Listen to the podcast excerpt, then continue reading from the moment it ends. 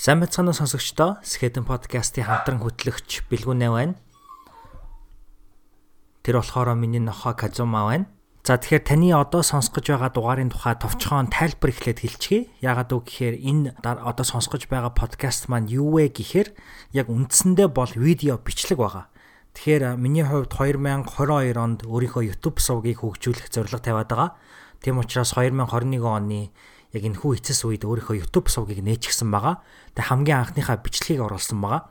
За энэ хүү бичлэг маань See you in a go буюу өнгөрсөн дуулцын нэртэй юм цоврал видео бичлэгүүд байх юм байгаа. Тэр цоврал видео бичлэгийн хамгийн эхний дугаар байгаа л да. Тэгээ энэ хүү дугаар дээр би Америкт магистраараа сурсан тухайгаа Америкт амьдэрснаа ер нь нэг Америкт өнгөрүүлсэн сүүлийн хэдэн хоногтоо эргэж нэг сансан дүгнсэн ийм утга агуулгатай бичлэг байгаа.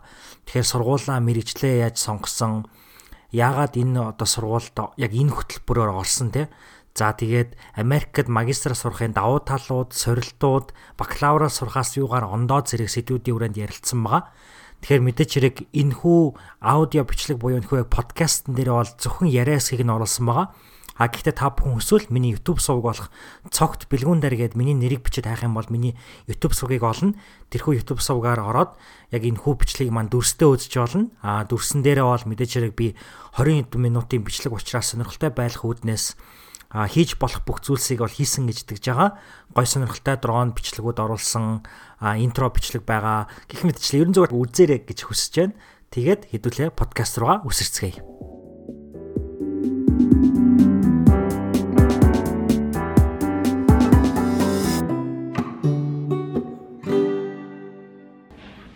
Өнөөдөр 5 сарын 13-ны өдөр.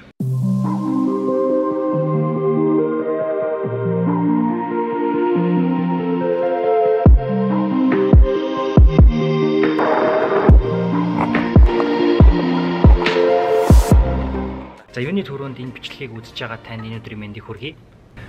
За гадаа жоохон халуун байна. Жоохон хөлс гарцсан байж байна. Яг одоо энэ артлын view энэ артлын view дээр би яг ингэж сууж бичлэг хийхийг маш удаан мөрөөдөж исэн. Яагаад тэгэхээр би энэ вьюд амар дуртай миний нартал байгаа энэ намайг гişиг хотоо хөхтэй цогт бэлгүүндэр гэдэг бэлгүүнэ гэж дууддаг. Аа би яг одоо Миннесотагийн их сургуулийн одоо дэрэгдэх сургууль болох Humphrey School of Public Affairs буюу Humphrey-гийн нэрмжид төрийн хэргийн сургууль гэдэг энэ сургууль дотор сууж байна. Энэ 7 хоног миний магистрийн програмын маань хамгийн сүүлчийн 7 хоног. Тэг өнөөдөр юу ярих шийдсэн бэ гэхээр баримтжуулах өөрийнхөө мэдрэмжийг баримтжуулах. Ягаад тэгэхээр яг энэ 7 хоног би магистрийн програмын шалгалтаа дуусгацсан, репортуудаа бичээд дуусгацсан. Аа дахиад нэг жоохон ганц хоёр засвар репортоо оруулах бах. Тэгээд яг энэ артталт байгаа энэ view дээрээ суугаад өөрийнхөө өнгөрсөн 2 жилийн туршлагыг та бүхэнтэй бас мэдрэмжийг та бүхэнтэй хуваалцахыг хүссэн. Яг өөртөө бас яг энэ моментийг тийм ээ энэ мөчийг хадгалж үлдэхийг амар хүссэн. Миннесотагийн их сургууль гэдэг энэ сургуульд би бакалавра бас дүүргэсэн. 2016 онд би Америкийн өөр сургуулиас энэ сургуульд шилжиж ороод 2018 он төгссөн. 18-аас 19 он хүртэл 1 жилийн хугацаанд яг Америк Optional Practical Training гэдэг гадаад оюутны ажиллах эрхээ хэрэглээд 1 жил ажилласан. 1 жилийн хугацаа дуусах үед одоо яг энэ програмд бол элсэж орсон байгаа. Одоо энэ магистрийн програмд Master of Development Practice буюу одоо би монголоор хөгжлийн арга зүйн магистр гэж орчуулдаг.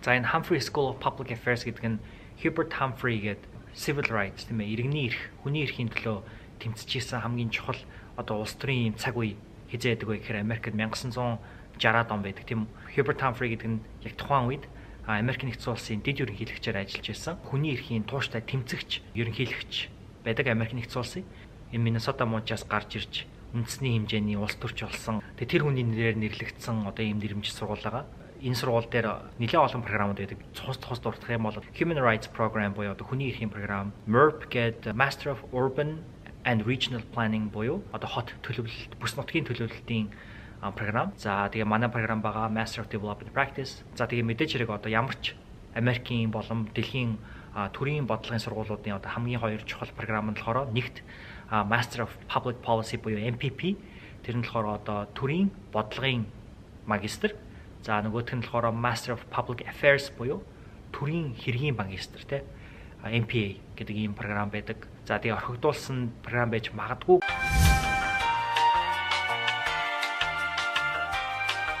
За миний яг нөгөө сурсан Master of Development Practice буюу хөгжлийн арга зүйн програм гэдэг нь бол жилд маш цөөхөн хүүхдүүдийг сонгож шалгаруулж авдаг. А миний төгсөж байгаа ангид бол 13 байна уу 14 хүүхэд төгсөж байгаа. За хүүхэд гэжтэй оюутнууд төгсөж байгаа магистрийн оюутнууд.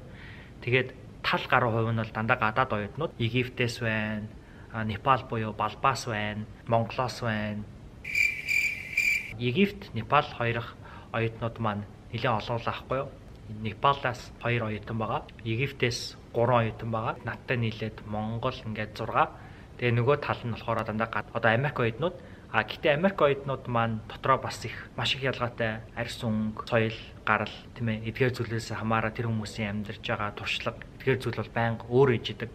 Тэр хүмүүсийн бас нөгөө хуримтлуулсан мэрэгжлийн туршлагууд нь бүр ингээд олон улсаар ингээд явцсан тий дэлхийн өнцөг болон бүрт очиод ажиллаад үзсэн тийм туршлагатай. Би нөгөө Миннесотагийн их сургууль сурч исэн гэж хэлсэн шүү дээ тий багийн бакалавртаа. Тэгээ манай сургууль чи яг 5 ийм салбар сургуультай. 5 салбар сургуулийн хамгийн том нь одоо яг миний энэ байгаа University of Minnesota Twin Cities буюу Minneapolis, St. Paul гэсэн хоёр хот дамнан оршдог энэ кампус дээр манай сургууль байдаг. За энэ сургууль маань өөрөө би буруу санаагүй бол 50,000 гаруй оюутантай. Тэнгүүд яг нөгөө бакалаврын хэмжээнд суралцж байхад 50,000 оюутан гэдэг чинь амар олон хүн амт ирж юу гэж. 50,000 оюутантай сургууль сурч агаад Тэгээд өөрийнхөө төгссөн мэрэгжил дотроо ч гэсэндээ хэдэн зуун хүүхд төгсөж байгаа. Тэгэнгүүт ингээд яг нэг тийм нэг ангийнхан гэдэг мэдрэмж бол бакалаврт бол ер нь бараг байхгүй. А жижиг сургуульд, коллежид, одоо хувийн жижиг жижиг сургуулиудад сурах юм бол мэдээж хэрэг туршлага чинь өөр байна. Тэгээ миний хувьд нөгөө том улсын сургуульд сурсан болохоор маш олон оюутантай маш олон оюутнууд нэг програмда байдаг. Тэгэхээр бол нөгөө найзуудыг илүү нэг тийм нарийн сонирхлуудаас бол бакалаврт бол найзуудаа илүү олон те. Яг магистрт болохоор нөгөө манай програм амар цөөхөн оюутнуудтай болохоор нөгөө эргээд 10 жилдээ очсон юм шиг амар гоёсэн. Надад тэр мэдрэмж нь амар гоё санагддаг байсан. Би жоохон ишээ ингэ суугаад Монголынхаа далбааг бас гаргачих. Яг яг яг энэ Монгол маань харагдаж байгаа шиг байна тийм үү. За тийм тэгээд амар гоё 2 жил өнгөрсөн. А гэтээ хамгийн анх нөгөө яг энэ сургууль дээр яриад Мэдээж хэрэг Миннесотагийн их сургуульд эргэж ирж байгаа болохоор нэлээд танил дотн орчин. А гэхдээ хамгийн хэцүү хүндрэлтэй зүйл нь юу байсан бэ гэхээр түрүүнд дурдсан нөгөө олон магистрийн програмуудад чинь маш олон туршлагатай, маш олон хүмүүс эсэлж орж байгаа. Анх сургууль дээр оронгууд тэр хүмүүстэйгээ ингээд танилцсан шүү дээ. Orientation гэдэг сургуультайгаа танилцах өдрлөг 7 хоног үргэлжилдэг. Тэр үеэр ингээд маш олон туршлагатай, маш олон өөр өөр програмын оюутнуудтай танилцсангууд нөгөө imposter syndrome гэж байдаг. Тэр нь болохоор байх ёстой биш газараа байж байгаа юм шиг тийм мэдрэмж авдаг. Мэдрэмжийг импостер синдром гэдэг. Би энэ хүмүүсээс хажууд нь шаал суг, шаал мяа юм байна штэ. Би энд байх ёсгүй хүн байсан байна. Яагаад би энд байгаа юм болоо гэж чи нэг хөөрө хуурамч юм шиг те. Нэг тиймэрхүү мэдрэмж авсан юм шиг одоо санагдаж байгаа. Хүн ирж иж магадгүй. Маска зүчээ. Би импостер синдром яагаад надад мэдрэгдсэн бэ гэхээр энэ магистр програмд эсэлж орж байгаа хүмүүс маань дандаа амар олон жилийн туршлагатай ч юм уу те? Том том төрийн байгууллагуудад ажилладаг засаг захиргаанд ажилладаг мужийнхаа засгийн газарт ажилладаг янз бүрийн нөгөө каунти одоо бүс нутгийн засаг захиргаанд ажилладаг эсвэл одоо том том төрийн бас байгууллагууд NGO-уудад ажилладаг эсвэл олон улсын байгууллагуудад ажилладаг, ажиллаж байсан. Одоо entrepreneur, social entrepreneur-ууд те бизнес хийгээ явж байгаа, нийгэмд үнцийг бүтээдэг бизнес хийгээ явж байгаа хүмүүс байна. А дэлхийн маш олон улс орнуудаар аялаад үзсэн, ажиллаад үзсэн, гадаад дотоодын маш гүн туршлагатай хүмүүс байна. Full time буюу одоо бүтэн цагаас сурахаас гадна ажиллаа хийгээд хажуугаар нь сурж байгаа хүмүүс байна. Тэгэд ийм мундаг хүмүүсийн зэрэг дэргэд ингээд суралцахаар би хажууд нь амар туршлагагүй сууг санагдчихсэн тэр мэдрэмжийг би амар тод санаж байна. Бакалавра төгсчөөд шууд магистрт орж байгаа хүмүүсийн хажууд бол би нэг жилийн туршлагатай. А нэг жилийн туршлага дотор гэрээт ажилтан хийгээд амар олон газрууд ажиллаад үзсэн. City of Minneapolis гэдэг Minnesota мужийнхаа хамгийн том хотын захиргаанд хуулийн чиглэлээр ажиллаад үзсэн. Dorsey and Whitney гэдэг топ хуулийн фирмүүдийн нэгт ажиллаад үзсэн. Immigration Law буюу цагаачлалын хуулийн фирмд ажиллаад үзсэн За тэгэл өөр жижиг сажиг янз бүрийн л одоо ажлууд хийж үтсэн тэр нэг жилийн хугацаанд өөснөө миний зорилго Америкт байгаа нэг жил гэдэг багахан хугацаанд за за олон туршлага хуримтлуулчих, олон талын туршлага хуримтлуулчих гэж бодоод айгүй өөр өөр зүйлүүдэд бол ажиллаж исэн. Хүн явж ийн тэгэхээр маска зүчээ. Аа гэхдээ тэр хүмүүсийн хажууд бол амар суух санагдаж байсан. Тийм. За тэр бол миний нэгдүгээр point. Hello. Does Brian know you're working here? Oh, I, I'm not sure. Just in case. I mean, you know, Yeah. we have a few more weeks of this. Yep. Яагаад тэгвэл би яг энэ программыг сонгосон бэ гэдэг тий. Тэгэхээр яг энэ программыг энэ сургуулийг Миннесота мужидаа үлдэх бол айгуу гоёсэн. Аа бас өөр өөр сургуулиудад хоёр өөр сургуульд ерөнхийдөө бол тэмцсэн. Нэг сургууль нь Америк нэгдсэн улсын нийслэл Вашингтон DC хотод байдаг American University гэдэг одоо олон улсын харилцаа чиглэлээр бол дэлхийд тэргүүлдэг, Америкт тэргүүлдэг том сургууль байдаг. Тэр сургуулийн political communication гэдэг амар гоё мэрэгчлэр тэмцсэн. А гэтээ харамсалтай нь би тэр сургуулиуд тэтгэлэг аваагүй байна. А мөн би Миннесота мужийнхаа нэг өөр сургуульд бас тэмцсэн. Тэр сургуульд нь болохоор юу байлаа? Мэргэжлээ санахгүй байна. Гэтээ бас л гоё мэргэжлээсээ. Одоо бүр мартчихжээ. Аа гэтээ тэр сургуульд нэлээд гайгүй тэтгэлэг авсан. Гэтээ энэ Humphrey School надад илүү том тэтгэлэг санал болгосон. 100% тэтгэлэг бол байгаагүй. Нэлээд том пропорцийг нь төлөөд өгье гэсэн болохоор үлдсэнийг нь за болгондоо гэж бодсон. А дээрэс нь энэ сургууль бол ранкингаараа Америкт топ 10-т ордог төрийн бодлогын сургууль. Зэрэг Америк гэдэг чинь угаасаа дэлхийн улс төрийн давтцангийн хамгийн том тоглогч шүү дээ. Тэр тоглогч улсынхаа хамгийн том төрийн бодлогын топ сургуулаа нэг гэдэг бол маш их тийм resource notes бололцоо байсан. Дээрээс нөгөө энэ сургуульд би улс төрийн мэрэгчлээ суралцсан байсан болохоор багш нарыг нь мэддэг, ямар ямар програм хөтөлбөр байгааг нь мэддэг. Тэгэхээр нэгэнт нөгөө бий болгоцсон network харилцаа холбоогоо үргэлжлүүлээд баяжуулах тийм боломжтой байна гэж бодсон. Тэгэд энэ програмд оролцоод явж хахад нөгөө нэг жилийн ажлын туршлагатай намайг бүр ариун туршлагатай бүр болгосон байхгүй. Тэгээд тэр нь энэ програмын амар том онцлог байсан. Эхний нэгдүгээр жилээ дуусгаад нэгдүгээр жилээс хоёрдугаар жил рүү шилжих одоо зуны удирдалтаа а гадаадын аль нэг улс орн руу очиж төсөл хэрэгжүүлэх ийм бололцоотой байсан. Тэгээ миний хувьд болохоор Марокко улсад очиж агротуризм буюу хөдөө аж ахуй дээр төшөглсөн аялал жуулчлалын төсөлтөөр Марокко улсад очиж ажиллах ажиллахаар би сонгосон, сонгогдсон. Тэгээд харамсалтай нь корона COVID-19 болоод бид нэр тэр зундаа очиж чадаагүй Мароккод а гэхдээ зайнаас тий remotely Марокко улс дахь үйлчлүүлэгчтэйгээ харилцаад тэр төслөө бид нэр сайн хэрэгжүүлж чадсан. За дээрэс нь манай програмын нөгөө онцлог нь болохоор яг төгсөх төхөөд ирэнгүүт capstone project буюу одоо дипломын ажил гэж монголоор хэлэх бах. Дипломын ажил нь болохоор бас дахиад нэг байгууллагатай ажиллаад тэр байгууллагт тусламж үзүүлэх байсан. Тэгээ миний хувьд болохоор яг энэ Миннесота мужийн нийслэл хотод байдаг эмэгтэйчүүдийг дэмжих дэмждэг тийм төрийн бас байгууллага, жижигхэн төрийн бас байгууллагыг бас дараагийн шат ахиулах дээр нь төсөл дээр нь багаараа ажиллаж өгөөд яг одоо энэ цаг үед ерөнхийд бол бид нэр хамгийн сүүлчийнхаа репортыг бичиж өгөөд хүлээлгсэн байгаа. Тэгээ дахиад нэг туршлага. Аа за тэгээ төрийн бодлогын сургуульд суралцж байгаа хүмүүст маш том давуу тал үүсдэг нь төрийн бодлогын сургууль, төлөвлөлтийн сургууль суралцж байгаа болохоор янз бүрийн төрийн байгууллагууд тэр оюутнуудаас нь тусламж асуудаг. Одоо янз бүрийн бодлого боловсруулах, төлөвлөгөө гаргах дээр яах вэ гэдэг. Тэгэхээр энэ энэ сургууль гэдэг чинь өөрөө их сургууль гэдэг чинь Америкт ер нь тэр хичээл заахаасаа ч илүү хамгийн чухалчилдаг зүйл нь судалгааны институт. Тэгэхээр зэрэг бид нэр суралцж явах хугацаанд маш олон төслүүд дээр маш олон байгууллагуудад бол харьцаж ажиллаж байсан.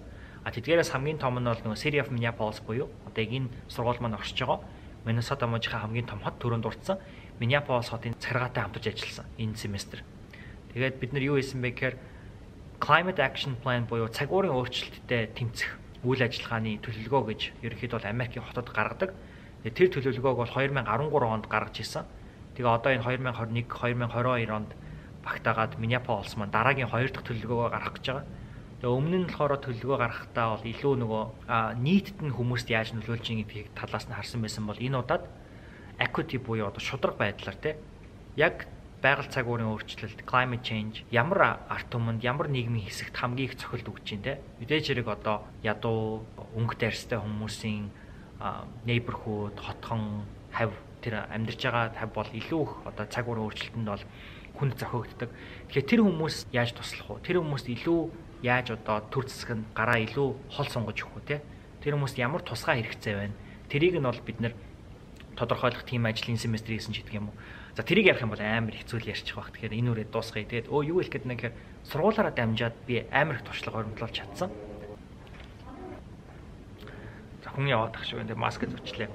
Буцаагаад За тэгээд 2020 он гараад би Америк нэгдсэн улсын улс төрд ажиллах боломж олцсон.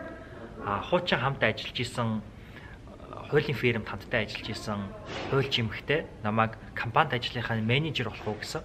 Тэгээ би Миннесота мужийн конгрессийн доод танхимын сонгуульд тэр эмэгтэйгийн кампайн менежер буюу компанид ажлын одоо менежерээр бол ажилласан.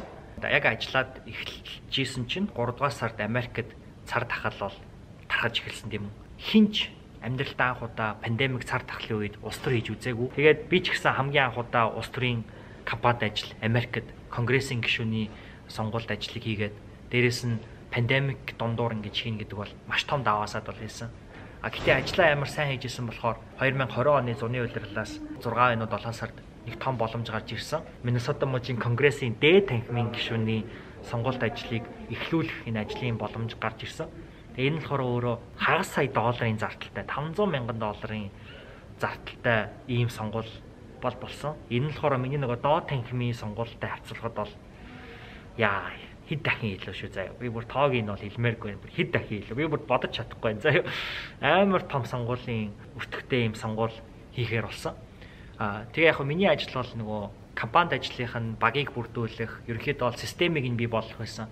Би ч угаасаа яг тэр зуныхаа үйлрэлт завтай байсан болохоор тэр компанид ажлыг бий болгож өгөөд ер нь бол тэр үргэлжлүүлж ажиллаагүй намрын үйлрлээс. Тэгээд харамсалтай нь тэр бүсгүн маань ялагдсан. Амар тийм баян цагаануудын дүүрэг байсан байхгүй юу. Тэгээд бүр маш одоо ультра баян Америкийн бүр ингээд Crazy Rich Asians гэдэг шиг Crazy Rich Minnesotans дүүрэгт өсөлдсөн байхгүй юу. Тэгээд тэр дүүрэг маань болохоор баян либералууд гэхээс илүүтэйгээр илүү баян зүүнний үзэлтэй хүмүүс гэхээс илүүтэйгээр баян барууны үзэлтэй Republican хүмүүс байсан.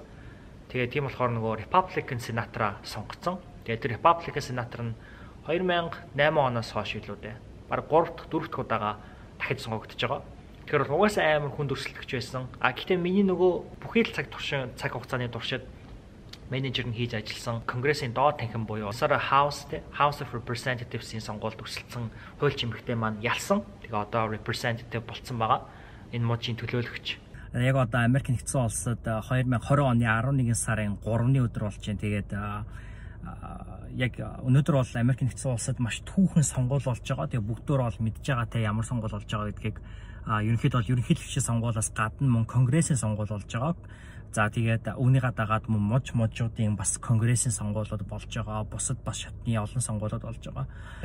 Өнөөдөр бид нэр яг хариугаа эцсийн байдлаар бол сонсгож байгаа. Бид нар бол угаасаа ялна гэдэгтээ бол угаасаа 100% итгэлтэй. Бид нар бол маш сайн ажилласан. Тийм учраас ерөнхийдөө бид нар ялна гэдэгтээ бол бүрэн дүрэн итгэлтэй байгаа. Тэгээд нэг тийм өдөр болж байна. Тэгээд яг одоо би машинаасаа буугаад нэр төвшгчийнхаа гэрт навах гэж байна да. За тэгээд энэ сонгуульд ажиллаж явах үед маань Америкт бас юу болсон бэ гэхээр одоо яг миний амьдарч байгаа Миннеаполис хотоо хотод манай гэрээс нэг 10 минутын зайтай а Жорж Флойд гэдэг эрхэм 2020 оны 5 дугаар сарын 25-ны өдөр Дерек Шаун гэдэг нэртэй цагаан цагдаагийн гарт амь насаа алдсныг та бүхэн угаасаа сайн мэдж байгаа. Энэ үйл явдал бол Америк хүн болгонд бол маш том нөлөө үзүүлсэн гэж бодож байна. Гэтэ яг энэ хотод амьдарч байгаа хүмүүст бол мэдээж хэрэг бүр их том нөлөө бол үзүүлсэн. Тэгээ тэр үед нь би Америкийн төрийн бодлогын сургуульд суралцж чинь, тэгээ улс төртөнд ажиллаж чинь. Тэгэхээр зэрэг яг энэ нөгөө шудраг бос байдлын тухай, арсангоор ялгуурлах үзлийн тухай, тогтолцооны ялгуурлан гадуурхалтын тухай, өөрийнхөө мэдлэг боловсрал мэдлэг мэдээлэл тийм ээ энийг бол маш гүн болгох надад шаардлага үүссэн. Энэ талаарх мэдлэг мэдээлэлээ энэ өнгөрсөн 2 жилийн хугацаанд бол маш нарийн болгож чадсан. Туршлагаа би одоо яагаад ингэж хуваалцаад байна гэхээр нөгөө 19 онд би чи энэ хүмүүсийн хажууд хинч бишэн байж тээ гэж бодож ирсэн бэлгүнэ. Өнөөдөр бол эргээ харахад бол би өөрийнхөө маш тийм онцгой аяллаар яваад ирсэн байгаа байхгүй. Зөвхөн цор ганц миний туршлагыг бол хоримтлуулсан. Яагаад тэгэхээр би монгол хүн а миний identity одоо намайг тодорхойлдог тодорхойлт донд бол би гадны хүн. Энэ Америк гэдэг энэ улс дотор би гадны хүн. Тэр улс төрийн компанид ажлыг хийгээ явж байхад ингээ дандаа цагаан хүмүүстэй. Тэгээ дандаа ингээ баян хүмүүстэй ингээ ажиллаж байгаа. Тэгэнгүүт би ингээ дандаа гадны хүн байдаг байсан. Тэгээ тэр тэр бүхнийг ингээ учрыг нь олох тий мэдээж хэрэг амар хэцүү байсан. Тийм ийм дардан зам бод юусаа байгаагүй. Гэхдээ одоо ингээ харахад тэр аяллаар явсан маань надад амар гоё туршлагыг хөрөмтлүүлсэн. А хүний эрхийн мэдрэмж маань үнэхээр хурц мэдрэг болж чадсан. Энэ сургууль байгаагүй байсан бол энэ туршлагуудыг би хөрөмтлүүлгааргүй байсан. Тэгэд энэ аялалд те яг энэ сургуульд суралцж байгаа энэ аялалд маань дэмжсэн маш олон багш нар, профессоруд, судлаач нар, анд найзууд, нөгөө програмын маань найзууд, найзууд, магистрийн маань програмын найзууд, энд байдаг Монгол найзууд маань, Монголд байгаа найзууд маань, дэлхийд даяар байгаа найзууд маань маш олон найзууд маань туршилсан. Бас гэр бүл маань байна. Гэр бүл гэдэгт бол одоо манай ээж аав байна.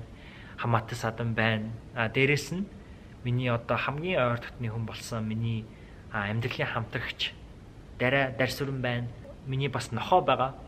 Цар тахал бол Америкт маш хүнд туссан. Тэ? Аа дээрэс нь энэ арьсангуур ялгуурлах үзэл Black Lives Matter movement гэдэг энэ movement бол Америкийн түүхэнд хамгийн том иргэний хөдөлгөөн. Тэгээ энэ хөдөлгөөнд дундуур ингэж амьдрна гэдэг бол мэдээч хэрэг маш түүхэн цаг үе дундуур бол би амьдэрсэн энэ Миннесота мужид ямар хувь тохиоллоор нэрээ бүр яг энд байгаад байгаа гэж үнэхээр гайхгүй бол зөндөө байсан. Тэгээ энэ нь бол гоё гэхээсээ илүүтэйгээр зүгээр амар сонин те. Хизүү үе байсан, жаргалтай үе байсан, ухаарах үе байсан. Тэгээ энэ үеүүдэд бол одоо эргэн тойрны маань хүмүүсээс гадна нохоо бол амар том хань болсон те. Дарайт хоёрт хин хиндэн л амар хэцүү цаг үе байсан. Тэгэхэд бол нохоо гэдэг бол одоо хамгийн сайн магадгүй бит хоёрт emotional support буюу сэтгэл зүйн дэмжлэгийг бол үзүүлж исэн. Тэгэхээр нохоондоо баярлаа. Нохоо маань үзэж байгаа бол баярлаа Казэ. Тэг тийм байна. Гоё байна. Тэгээ баг ингээд 20 минутын 30 минут баг ярьчих шиг боллоо. Тэгээд зөндөө хэсгийг нь хасаад оруулах бах. Эсвэл бүтнээр нь ч оруулж магадгүй. Хамгийн гол нь бүтнээр нь сонссон хүмүүстээ би зөндөө баярлалаа гэж хэлье. Яг яг энэ вьюгийн урд ингээд суугаад ярихыг амар хүсэж исэн. Тэр мөрөглөө биелүүлчихлээ. Гайхалтай гайхалтай амар их зүйлийг бол мэдэж авсан, ойлгосон, ухаарсан. Гэхдээ амар өчүүхэн байгаа. Маш жижигхэн байгаа би бол. Тэгэхээр зэрэг үргэлжийн байнгын суралцж явах ёстой. За тэгэл тийм байна. Амар их юм ярьчлаа. Аа дутаасан юм байгалах. Гэтэ одоо би доош бууж сургуулаас маань өгч байгаа нөгөө бяцхан бэлгээ аваад тэгээ харьлаа. За бэлгээ авцсан. Бэлгэнд маань юу байсан бэ гэхээр аа яг сургуулийн маань зүгээр гоё бэлгэд урсгалууд байсан. За одоо би яг сургууль дээр нэг ажилтаа байгаа. Номын дэлгүүр орох хэрэгтэй байгаа.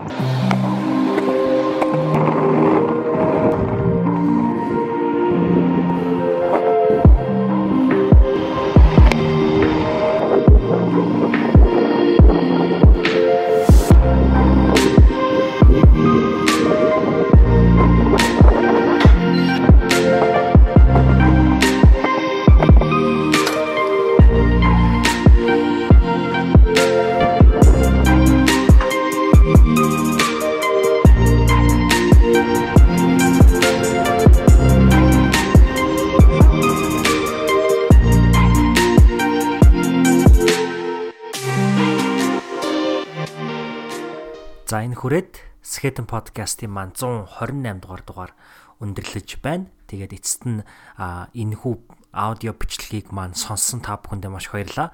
Нэвтрүүлгийнхаа подкастынхаа ихэд хэлж байсанчлан хэрэв та бүхэн хүсвэл энэхүү бичлэгийг маань дүрстэйгээр буюу YouTube-ээс цогт бэлгүүн дээр гээд миний YouTube хуудсыг хайгаад үзэх боломжтой байгаа шүү.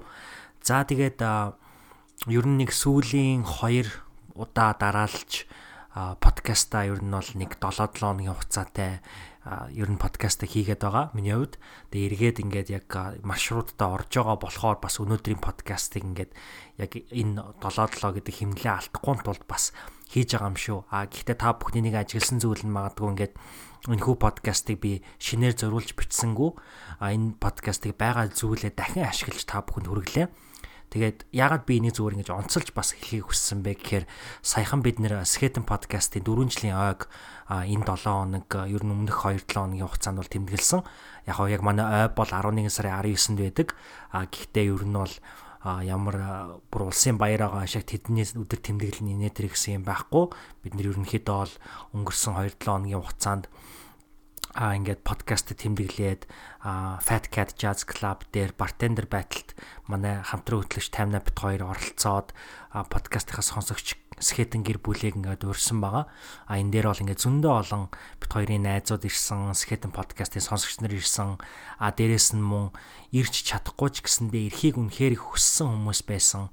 А мөн дээрэс нь 58 бит 2 58 маань Instagram дээр яг ингээд скетэн подкастаас одоо юу ойлгож авсан бэ те амьдралд чинь ямар өөрчлөлт авчирсан бэ гэдэг энэ асуултыг инстаграм дээрээ тавиад тэгээд айгуу гой үнцэнтэй хариулт илгээсэн гурван сонсогчтойгоо бит хоёр юм уулзалт хийсэн.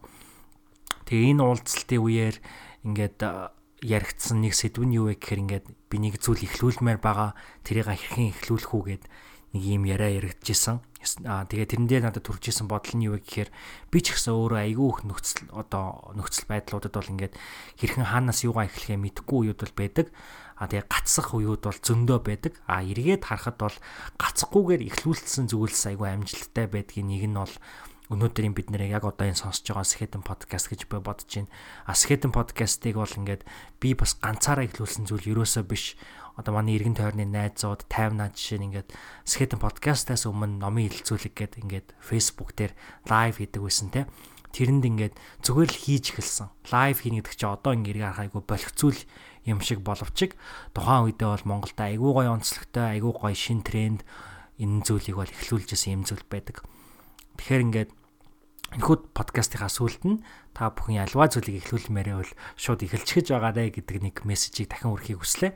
А дээрэс нь түрүүн хэлсэнчлэн нөгөө Fat Cat Jazz Club дэрийн үйл ажиллагаа зохион байгуулахад энэ үйл ажиллагаанд ирч чадахгүй амжихгүй хүмүүс зөндөө байсан. Тэгээ дахиж ийм одоо янз бүрийн үйл ажиллагааг хийх үү гэж хэлж одоо асууж байсан. Тэгээ бит хоёр бол бит хоёр бол одоо манай Skeleton багаас бол а яг тийм бодсон төлөвлөсөн зүйл бол байхгүй байна. Тийм учраас та бүхэн магадгүй хэрэг санаа оноо байх юм бол ямар төрлийн үйл ажиллагаа байвал та бүхэн хэрэгтэй. Дээрээс нь COVID-19 цар тахлын үед айгу болгоомжтой хийж болох вэ? Энэ дээр санаа оноогоо бид бүхэнтэй Instagram-аар Skeleton Cig Media гэдэг пэйжээр эсвэл надтай цогт бэлгүүндэр гэдэг Instagram маягаар мань холбогдоод санаа оноогоо хуваалцаарай гэж эцэст нь хэлхийг хүслээ. Тэгээ бүгд өөрөнд нь өдрийг сайхан өнгөрүүлээрэ гэж хэлье.